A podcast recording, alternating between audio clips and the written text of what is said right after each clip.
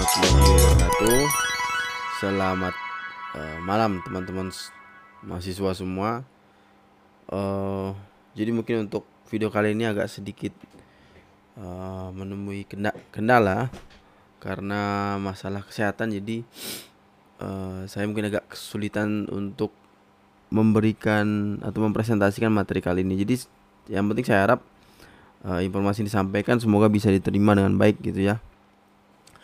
Oh, pada kali ini kita masuk ke pertemuan ketiga. Kita akan membahas tentang uh, pendekatan dalam negosiasi. Kemudian langsung saja masuk ke materi. Hal yang perlu hmm, mungkin dipahami bersama bahwa uh, beda teori, beda pula pendekatan yang digunakan gitu. Nah, sebagai pengantar di awal, bahwa dalam negosiasi setidaknya mungkin ada ada sekitar tiga atau empat teori yang mempengaruhi eh, kajian-kajian uh, tentang negosiasi. Yang pertama itu ada teori struktural, kemudian ada teori uh, behavioral, kemudian ada uh, game teori, kemudian ada rational choice teori dan beberapa teori lainnya gitu loh. Dan masing-masing teori ini kemudian menghasilkan pendekatan-pendekatan yang berbeda-berbeda atau kemudian definisi atau mengartikan negosiasi dengan cara yang berbeda loh dengan cara mereka masing-masing. Nah, kita mencoba masuk pertama dari Daniel Durkheim, Dark, Daniel Druckmann. Dia mengatakan bahwa negosiasi itu adalah sebuah uh, puzzle solving loh, sebuah upaya untuk menyelesaikan masalah. Atau kemudian negosiasi juga sebagai sebuah bergaining game. Sebuah uh, proses tawar menawar lah antara pihak satu dengan pihak lainnya. Atau kemudian dia mengartikan juga negosiasi sebagai sebuah organisasional manajemen gitu loh. sebagai sebuah proses untuk mengelola untuk mengorganisir sebuah kelompok mungkin atau sebuah kerumunan atau mungkin sebuah komunitas seperti itu. Dan terakhir yang paling uh, familiar bagi kita semua tentu negosiasi sebagai sebuah diplomatik uh, politis. Nah, ini kan sering kita temui lah di kehidupan kita sehari-hari di mana ya yang sering digunakan para politisi termasuk juga uh, negarawan gitu. Akan tetapi pada pertemuan kali ini saya uh, lebih condong atau ingin menggunakan lah menggunakan pendekatan yang dipaparkan oleh hmm, Ira Willi, Ira William Zerman ini bahwa dia kemudian mengkategorikan setidaknya lima uh, pendekatan dalam proses negosiasi. Yang pertama yaitu pendekatan struktural, kemudian yang kedua itu pendekatan strategi, kemudian the process, yang ketiga the processual, atau konsensus exchange gitu. Kemudian keempat behavioral, kemudian kelima itu integrative approach. Nah, langsung saja kita masuk ke masing-masing pendekatan lah. Dimulai dari yang pertama yaitu structural approach. Pendekatan ini menggunakan teori struktural. Teori struktural. Nah, kemudian yang paling sebagaimana kita ketahui bersama bahwa dalam teori struktural itu uh, aspek dasar yang menjadi kunci itu adalah power ya. Power. Jadi dalam negosiasi power is the key to win untuk memenangkan sebuah uh, negosiasi. Pertanyaannya adalah power itu apa gitu loh.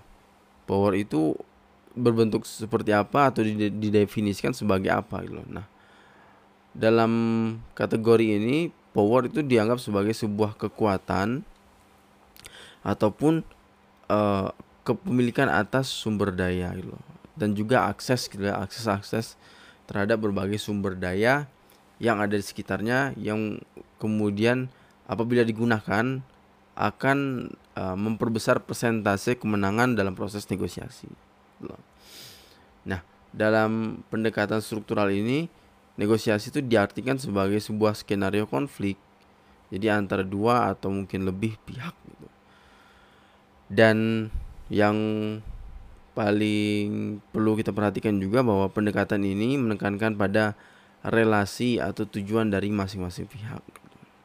Kita langsung masuk ke contoh bagaimana negosiasi atau pendekatan uh, struktural ini uh, diaplikasikan di uh, tengah-tengah kita loh. Saya yakin teman-teman sekalian familiar dengan sosok di sebelah sini. Kan beliau adalah presiden ketiga eh kedua presiden Pak Soeharto. Nah hal yang paling uh, mungkin menonjol ya menonjol bahwa pres, Pak Presiden Soeharto ini kan memimpin Indonesia itu sekitar 32 tahun. Pertanyaannya adalah apakah selama 32 tahun itu tidak ada sama sekali uh, konflik baik itu antara um, masyarakat dengan presiden mungkin atau kemudian antara lembaga-lembaga uh, kepemerintahan yang ada di bawah atau di tangan presiden dengan presiden gitu loh. Kalau saya rasa sebenarnya ada, sebenarnya ada konflik lah. Hanya saja yang uh, menjadi menarik adalah bahwa Pak Soeharto ini dia memiliki kekuatan, dia memiliki power. Powernya dalam bentuk apa? Dalam bentuk akses terhadap sumber daya. Nah, sumber daya bisa macam-macam ya, termasuk sumber daya keuangan, finansial, kemudian sumber daya manusia gitu loh. Nah, yang paling ketara pada era Pak Soeharto adalah dia memiliki akses terhadap uh, eh, TNI dan Polri gitu. Jadi dalam berbagai kegiatan atau dalam berbagai proses negosiasi konflik yang dilakukan oleh Presiden Soeharto entah itu konflik dengan masyarakat atau kemudian uh, konflik dengan uh, lembaga pemerintah di bawah tangan Pak Soeharto ya. Dan kita kembali dulu ke kita flashback ke materi awal bahwa kan konflik sebenarnya ada dua, ada konflik laten sama konflik uh, manifest gitu loh. Konflik kalau konflik laten itu konflik yang tidak terlihat, kalau konflik manifest itu kan konflik yang terlihat. Nah, pada zaman Pak Soeharto saya yakin ada banyak sekali konflik-konflik laten yang tidak terlihat gitulah secara kasat mata. Nah, dari power yang dimiliki oleh Pak Soeharto ini, dia kemudian memiliki persentase kemenangan uh, dalam proses negosiasi itu menjadi lebih besar gitu loh. Bahkan hampir hampir dikatakan dapat dapat dikatakan hampir 100% bakal menang, bakal win. Karena apa? Karena Pak Soeharto ini memiliki tadi memiliki power. Buat kemudian dia memiliki power terhadap TNI dan Polri dia memiliki kuasa. Kemudian dia juga uh, memiliki akses terhadap uh, finansial. Gitu. Jadi bagaimanapun posisi uh, lawan atau kemudian uh, aktor lain itu dalam posisi yang lemah. Karena tidak tidak memiliki power gitu. Ini salah satu contoh kemudian contoh kedua di era modern sekarang kita pasti tahu lah terkadang pemerintah kan uh, dengan dengan dalih lah dengan dalih atau dengan dengan alasan dalam pro, untuk proyek pembangunan kemudian merebut lah merebut lahan-lahan yang uh, dimiliki oleh masyarakat. Yang paling sering kita temui biasanya kan dalam pro, dalam proses proyek pembangunan itu lahan pertanian lah. Lahan pertanian itu uh, berubah lah menjadi alih, alih dialih fungsikan dulu. Paling uh, yang pernah yang pernah terjadi atau belakang terjadi itu kan biasanya lahan pertanian menjadi jalan tol. Nah di sini kan kita melihat bahwa ada sebuah konflik lah konflik antara masyarakat versus pemerintah nah kemudian untuk uh, menenangkan konflik ini atau kemudian untuk mencari jalan tengah konflik konflik yang terjadi antara masyarakat dan pemerintah dilakukanlah nam namanya negosiasi. Akan tetapi yang menjadi uh, poin penting adalah bahwa pada realitas di lapangan pemerintah terkadang uh, memanfaatkan power yang dia miliki atau memanfaatkan akses-akses terhadap sumber daya yang dimilikinya loh. Untuk apa? Untuk sekali lagi mencoba untuk memperbesar persentase kemenangan dalam proses negosiasi. Nah, kalau kita lihat di gambar ini kan pemerintah kemudian mengirim aparat-aparat uh, negara dalam hal ini mungkin di sini polisi ya. Ada polisi. Dan kalau dilihat secara kasat mata kan lawannya itu adalah masyarakat-masyarakat petani biasa yang kemudian dia punya apa hanya dia tidak punya apa-apa. Gitu loh. Gitu. Sedangkan uh, aparat pemerintah aparat kepolisian dia memiliki tameng punya punya alat lah punya alat-alat yang kemudian bisa digunakan untuk uh, memberikan kesan mendominasi gitu Nah, dari sini kita bisa tahu bahwa salah satu uh, pendekatan yang digunakan dalam proses negosiasi adalah pendekatan struktural di mana power itu atau kekuatan menjadi aspek yang paling menonjol gitu ya. Nah, kemudian kita lanjut ke pendekatan yang kedua.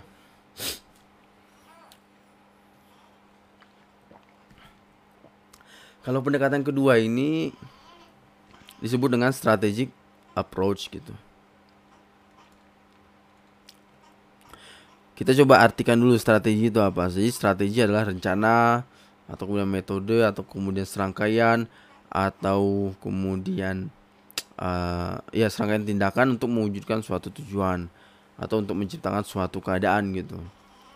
Jadi intinya adalah berba sebuah proses yang di mana dalam proses itu ada ada berbagai tindakan-tindakan yang harus dilakukan atau yang tindakan-tindakan yang dipilih gitu loh untuk mencapai tujuan.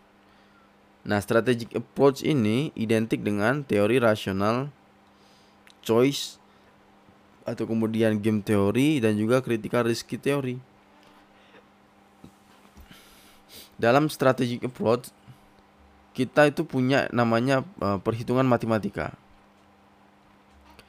Jadi aktor atau kemudian negosiator atau kemudian pihak yang bernegosiasi mereka membuat semacam opsi-opsi atau kemudian pilihan itulah pilihan A atau kemudian pilihan B atau kemudian pilihan C atau kemudian pilihan D. Nah, dari berbagai pilihan ini kemudian dihitung secara matematis lah sederhananya bahasa bahasa awamnya kira-kira pertama mungkin persentase kira-kira mana pilihan yang presentasi kemenangannya besar gitu loh. Apakah kemudian pilihan A presentasi kemenangan 90% atau kemudian B ini 70% seperti itu. Atau kemudian justru C ini 95% atau D itu 0% gitu bakal kalah. Selain itu juga dihitung kira-kira dari berbagai pilihan ini manakah pilihan yang paling uh, menguntungkan kita gitu loh. Apakah pilihan A, pilihan B, pilihan C gitu loh. Jadi bisa jadi salah satu pilihan itu menguntungkan tapi persentase kemenangannya kan kecil gitu. Nah, itu jadi dalam pendekatan strategi ini dalam proses proses negosiasi ada yang namanya uh, perhitungan matematis gitu. Nah, kita langsung masuk ke contoh aja lah. Di gambar ini teman-teman bisa lihat ada dua uh, dua polisi si polisi satu kemudian ada polisi dua kemudian mereka memergoki maling lah atau perampok gitu perampok A dan sini ada perampok B nah kemudian dua perampok itu ditangkap dan diintegrasi interogasi secara terpisah keduanya ditanya apakah mereka bagian dari sindikat perampok atau bukan gitu. nah jadi uh, si perampok A dan si perampok B ini dipisahkan ya di di wawancara di ruang terpisah untuk kemudian digali informasi. Kita anggap kita anggap ini perampok A, ini perampok B, gitu. Nah, karena mereka uh, dalam teori strategi kan tadi saya sebutkan bahwa uh, seorang aktor atau kemudian seorang negosiator itu mereka akan mencoba merumuskan berbagai uh, macam pilihan ataupun opsi-opsi pilihan. Dan dari berbagai opsi-opsi itu dicari pilihan yang paling menguntungkan bagi dirinya gitu Nah, kita coba dalam hal ini kita coba misalnya si A, perampok A ini dia kemudian uh, membreakdown lah, membreak membreakdown setidaknya ada sekitar empat uh, empat empat opsi yang bisa dilakukan ketika diintegrasi polisi. Gitu. Ini opsi satu, kemudian ini opsi opsi 2 ya di sini ini opsi 3 ini opsi 4 nah kita masuk ke opsi satu dulu misalnya jadi ketika ditanyakan oleh polisi tahanan A ini tetap tetap diam apakah bapak termasuk dalam uh, sindikat perampok besar uh, ini gitu? Dia dia dia dia mencoba untuk diam atau kemudian tidak menjawab gitulah nah hal yang sama juga terjadi pada perampok B. Pertanyaan yang sama juga dijawab. Pertanyaan yang sama juga tidak dijawab atau dia lebih cenderung ke diam tidak mengaku loh. Nah jadi ketika aktor A dan aktor B ini punya uh, jawaban yang sama maka mereka hanya dihukum satu tahun saja. Tidak mengaku gitu lah. Nah kemudian berbeda terjadi apabila uh, baik aktor A atau atau kemudian aktor B ini maling A atau maling B ini mereka kemudian mengaku bahwa mereka adalah bagian dari sindikat. Nah kemudian mereka mendapatkan hukuman yaitu dalam bentuk uh, penjara 2 tahun. Nah hal yang menarik adalah pada opsi nomor 3 dan nomor 4 Bayangkan ketika ditanya si pencuri A itu kemudian dia tetap diam gitu. Dia dia tidak dia tidak mengaku bahwa dia menjadi bagian dari sindikat. Akan tetapi pencuri B dia berkhianat loh. Dia kemudian me, bertahan mempertahankan diri dengan cara menuduh bahwa si pencuri A itu adalah bagian dari sindikat dan dia hanya diajak gitu loh. Maka maka perhitungan matematisnya muncul gitu loh. Si tahanan A kemudian mendapatkan uh, hukuman penjara 3 tahun sedangkan tahanan B bebas. Dan dalam hal ini tahanan B kan diuntungkan gitu. Uh, bahwa yang perlu diperhatikan dalam pendekatan uh, strategik ini dalam proses negosiasi asumsinya adalah win and lose. Jadi salah satu pihak itu pasti menang. Kalau ada pihak menang, pasti ada pihak yang kalah. Nah, dalam konteks opsi ketiga ini pihak yang menang adalah si B. Jadi dia dibebaskan sedangkan si A mendapatkan mendapatkan hukuman penjara 3 tahun.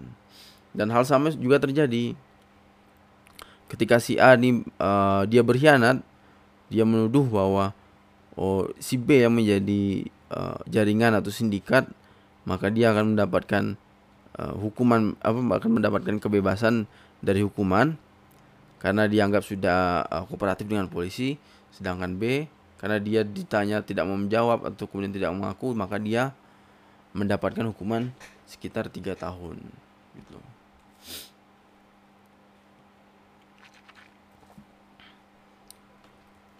Nah, poin yang ingin saya sampaikan adalah bahwa dalam pendekatan strategi ini ya tadi ada ada ada berbagai macam opsi, opsi A, opsi B, opsi C, opsi D.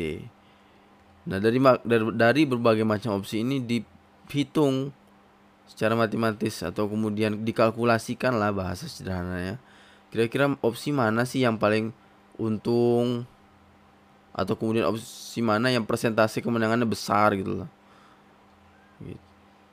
Nah, jadi itulah salah satu contoh untuk penggunaan atau kemudian uh, ya penggunaan pendekatan strategi dalam proses negosiasi.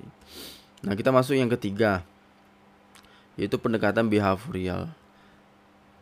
Pendekatan ini menggunakan teori behavioral bahwa seorang negosiator atau kemudian seorang aktor atau kemudian seorang individu yang bernegosiasi dengan individu lainnya bahwa dalam menentukan uh, tujuan atau kemudian kesepakatan yang ingin diambil pasti ada faktor-faktor yang mempengaruhi.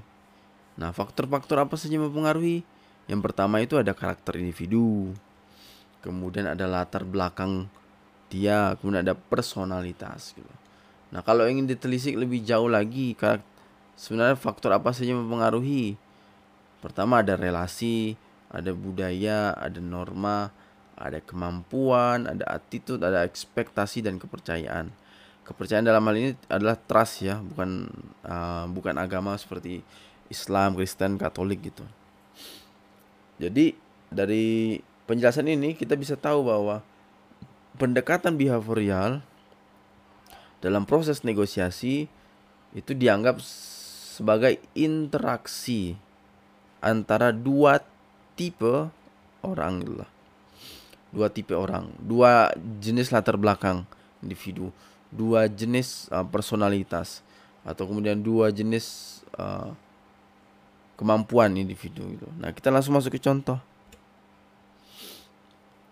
Di gambar kawan-kawan lihat bisa melihat ada SpongeBob. Kemudian ada uh, Mr. Krab. Uh, si SpongeBob kemudian mengajukan izin cuti. Dia minta kepada Mr. Krab cuti uh, mungkin dua hari ya, dua hari cuti. Kemudian dia uh, masuk ke ruang ruang kerja Mr. Krab dan melakukan yang namanya proses negosiasi.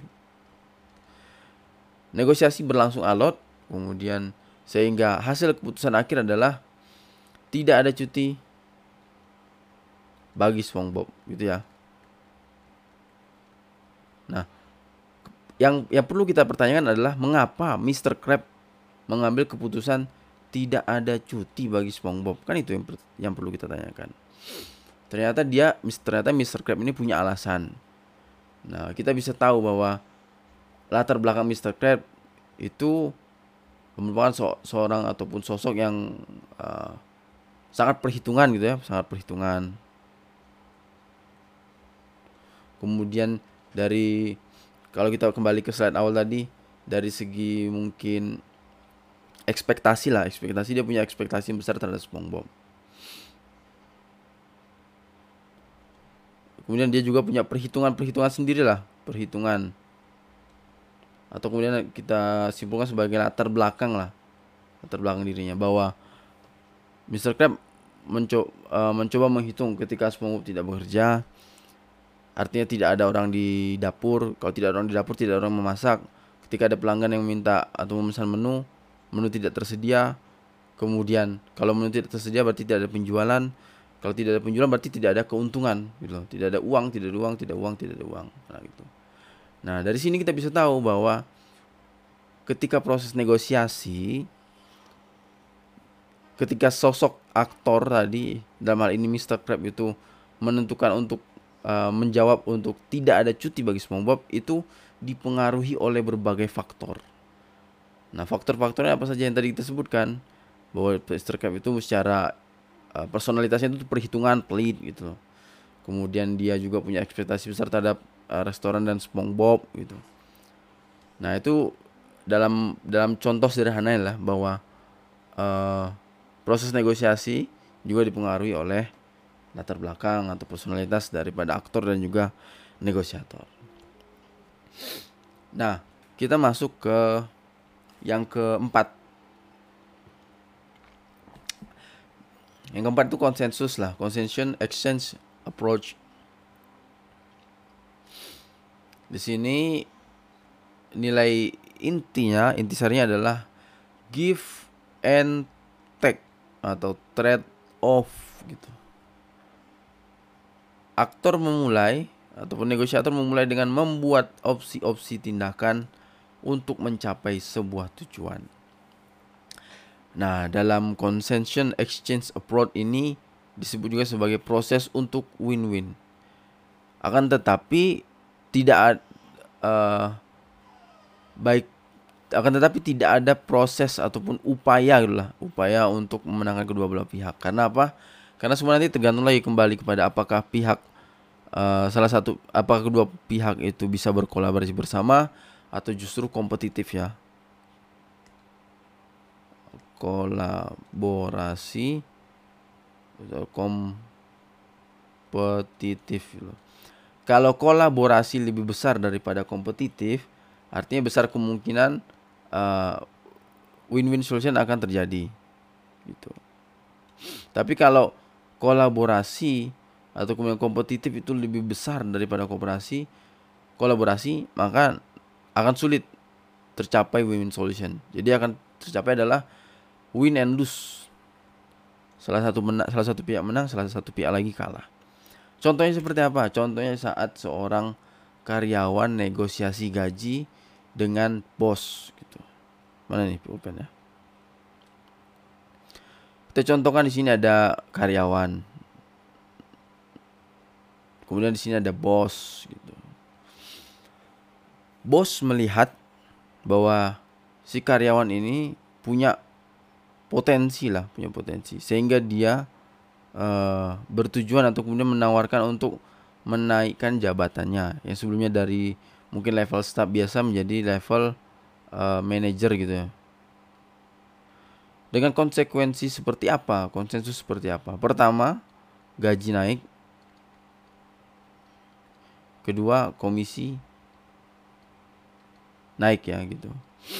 Nah, kon yang menjadi pertanyaan dari si karyawan ini adalah komisi itu hanya bisa naik kalau misalnya target penjualan tercapai atau kemudian uh, target distribusi barang ke seluruh penjuru Indonesia tercapai gitu loh.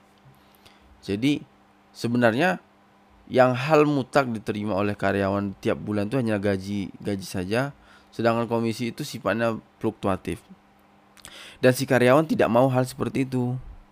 Dia lebih baik uh, dengan gaji yang besar dan dapat komisi yang kecil. Meskipun mungkin target penjualan penjualan barang perusahaan tercapai atau kemudian terdistribusi barang terdistribusi dengan sempurna gitu. Sehingga ketika bertemu dengan Pak Bos dia membuat setidaknya tiga opsi. Yang pertama dia benar-benar menolak. Yang kedua dia memikirkan gitu. Pertama gaji dinaikkan. Gaji naik atau kemudian komisi turun. Sedangkan opsi ketiga gaji naik komisi diganti dengan mungkin uh, tunjangan atau kemudian uh, saham perusahaan atau kemudian asuransi gitu. Nah, dari sini kan kita tahu bahwa dalam proses negosiasi uh, konsensus salah satu aktor kemudian uh, memberikan opsi-opsi lah opsi satu opsi dua opsi tiga dulu kepada si bos karena si bos karena sifatnya tadi uh, kalau dalam proses negosiasi ini sifatnya adalah take and give kemudian biasanya si baik itu karyawan atau kemudian si bos akan mencoba untuk uh, mencari jalan tengah gitu loh.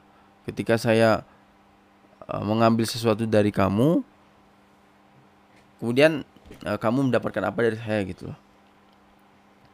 Dalam hal ini bisa saja Pak Bos atau si Bu Bos ini dia memilih memilih opsi satu dengan uh, yang menolak gitu. Artinya ketika ketika kamu menolak untuk dinaikkan sebagai manajer bisa saja dia langsung dipecat. Gitu. Atau kemudian si Pak Bos ini memilih justru memilih opsi ketiga gitu loh. Gaji dinaikkan, uh, kemudian komisi ditiadakan diganti dengan mungkin lem, uh, saham atau kemudian tunjangan atau asuransi. Nah, dari sini kita bisa tahu bahwa ada proses take and give atau trade off gitu lah antara dua belah pihak. Dan dalam hal ini salah satu pihak kemudian memberikan opsi-opsi yang sekiranya uh, tidak hanya menguntungkan bagi dirinya sendiri, tapi juga bagi pihak lawan. Yang terakhir itu pendekatan integratif.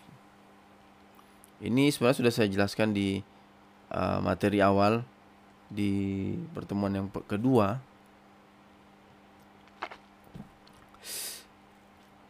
Nah, perbedaannya adalah kalau di integratif approach ini ada potensi uh, win-win solution. Jadi kedua belah pihak itu sama-sama merasa sama-sama merasa ya sama-sama merasa diuntungkan. Mengapa hal itu bisa terjadi? Kenapa win-win solution ini bisa terjadi? Karena pertama integrative approach ini menekankan pada problem solving atau kemudian menekankan kepada cooperation kerjasama. Atau kemudian joint decision making dan juga mutual gains. Jadi kedua belah pihak itu diuntungkan. Kita langsung masuk ke contoh. Saya yakin dari teman-teman sekalian mungkin dulu pernah mengalami mungkin ada uh, mungkin saudara atau kemudian sanak famili ya. Apa namanya? Kecelakaan lah kecelakaan gitu loh. Atau mungkin kalau nggak bisa ikut cerita saya jadi jadi ada kecelakaan gitu loh. Si bapak A ini sama si bapak B. Bapak A ini kan ada gojek. Sedangkan bapak B ini ya karyawan biasa gitu loh. Nah mereka tabrakan. Kemudian setelah tabrakan ya biasalah cekcok ribut di pinggir jalan pinggir jalan. Nah dalam proses cekcok dan ribut itu kan ada ada aktivitas negosiasi sebenarnya. Negosiasi entah itu dari si A atau dari B. Nah ini ini harus bagaimana? Ini kemudian apa gitu loh. Nah kalau dilihat secara kasat mata kendaraan kendaraannya sama-sama rusak. Itu kendaraan sama-sama rusak. Sedangkan secara uh, cedera yang yang cedera itu hanya bapak bapak si Gojek aja gitu loh kalau si bapak karyawan nggak cedera gitu. Nah, dalam proses itu kemudian kedua belah pihak e, bernegosiasi. Baik si bapak Gojek kan sama-sama keras nih, nggak mau nggak mau tahu. Intinya harus harus juga ada ganti rugi gitu loh. Ganti rugi kemudian masuk rumah sakit. Sedangkan si bapak B gue nggak mau karena yang salah itu kan Gojek mungkin. Pada waktu itu mungkin uh, dia baru berkendara sambil main HP. Cekcok cekcok terus terus terus. Akhirnya pada suatu momen ketemulah. Ada titik temu di antara dua belah pihak gitu jadi si karyawan tadi si bapak B ini kemudian bersedia mengganti uh, kerusakan motor gitu. Sedangkan untuk cedera itu tetap ditanggung oleh si Gojek si Gojek itu sendiri gitu nah dalam hal ini uh, bapak si Gojek kemudian merasa puas lah merasa puas karena apa dia puas karena dia kemudian uh, tidak harus mengeluarkan uang lebih loh. Jadi uang yang yang sebelumnya mungkin uh, harus dipakai untuk memperbaiki kondisi motor plus masuk rumah sakit atau kemudian uh, cedera tadi jadi berkurang loh. Jadi cukup dia pergi ke rumah sakit atau kemudian pergi ke vaskes untuk mungkin sedikit dikasih perban atau apa gitu loh. Sedangkan si bapak B yang sebelumnya dia hampir saja punya potensi kehilangan banyak. Kenapa? Karena harus ganti kendaraan si bapak Gojek, kemudian bawa dia ke rumah sakit, kemudian harus ganti uh, bemper depan mobil dia yang rusak gitu loh. Jadi berkurang. Dia jadi dia tidak perlu bawa bapak Gojek ke rumah sakit, cukup ngasih uang ke bapak Gojek untuk kemudian si bapak itu sendiri yang memperbaiki motornya ke bengkel gitu. Nah, dari sini kan kita bisa mengetahui bahwa kedua belah pihak itu sebenarnya uh, merasa diuntungkan dulu lah, merasa diuntungkan dan mendapatkan uh, tujuannya masing-masing. Nah, makanya kemudian dalam proses integratif ini dinamakan sebagai win-win solution. Bahwa kemudian yang perlu diperhatikan juga win-win ini dapat terjadi apabila ada pertama trust antara pihak satu dan pihak lainnya dan juga informasi yang jelas gitu. Jadi pihak saat pihak si Bapak Gojek itu menginformasikan atau menjelaskan ataupun mengatakan apa yang dia inginkan gitu ganti rugi A B C D E. Kemudian si bapak B juga menjawab secara lugas secara terus, terus terang bahwa tidak bisa gitu pak gitu bahwa yang salah tidak hanya dia sendiri loh. Jadi informasi jelas di antara kedua belah pihak. Nah kita masuk kesimpulan Kalau pendekatan struktural nilai dasar yang ditekankan itu adalah power ya tadi. Power. Dan asumsinya itu ada win and lose. Ya contohnya seperti yang tadi lah posisi uh, negara. Kalau pendekatan strategi yang diperhitungkan itu adalah rasionalitas gitu. karena ada perhitungan matematis tapi tetap sama tetap sama win and lose loh. Jadi salah satu pihak itu menang salah satu pihak lagi kalah gitu. Entah itu kemenangannya hanya 60% presentasinya kemudian dia hanya mendapatkan uh, keuntungan sekitar yang tidak maksimal tapi dia tetap menang dan tetap kalah. Kemudian yang ketiga itu ada behavioral. Behavioral ini fokus pada personality atau kemudian latar belakang atau kemudian norma di anutnya atau kemudian agama yang dianutnya gitu. Intinya adalah bahwa dalam proses pengambilan keputusan itu pasti ada faktor-faktor lain. Gitu. faktor-faktor lain itu apa saja? Ya tadi latar belakang personalitas gitu. Pemahaman gitu. Pendidikan juga mungkin bisa jadi nanti. Dan asumsinya tetap ada win and lose. Nah dua terakhir yaitu concession exchange trade off tadi ya trade off yang gaji karyawan dalam hal ini uh, ada win and lose juga. Tapi ada namanya proses menuju win win-win solution. Win-win. Nah win-win solution bisa terjadi kalau kalau apa? Kalau ada kolaborasi itu lebih besar daripada kompetisi. Gitu. Kalau sebaliknya terjadi kompetisi lebih besar daripada kolaborasi kolaborasi yang nggak ada win-win solution namanya tinggal win and lose. Salah satu pihak pasti kalah terakhir integratif. Ya sederhana lah. Problem solving kemudian creating creating value communication win solution. Udah pasti. Jadi kedua belah pihak merasa merasa diuntungkan. Meskipun kadang satu, salah satu pihak tuh untungnya kecil banget. Tapi pihak lainnya besar gitu. Baik teman-teman sekalian mungkin cukup sekian dulu untuk video kali ini. Uh, sudah serak suara saya. Sampai ketemu di pertemuan berikutnya. Assalamualaikum warahmatullahi uh, wabarakatuh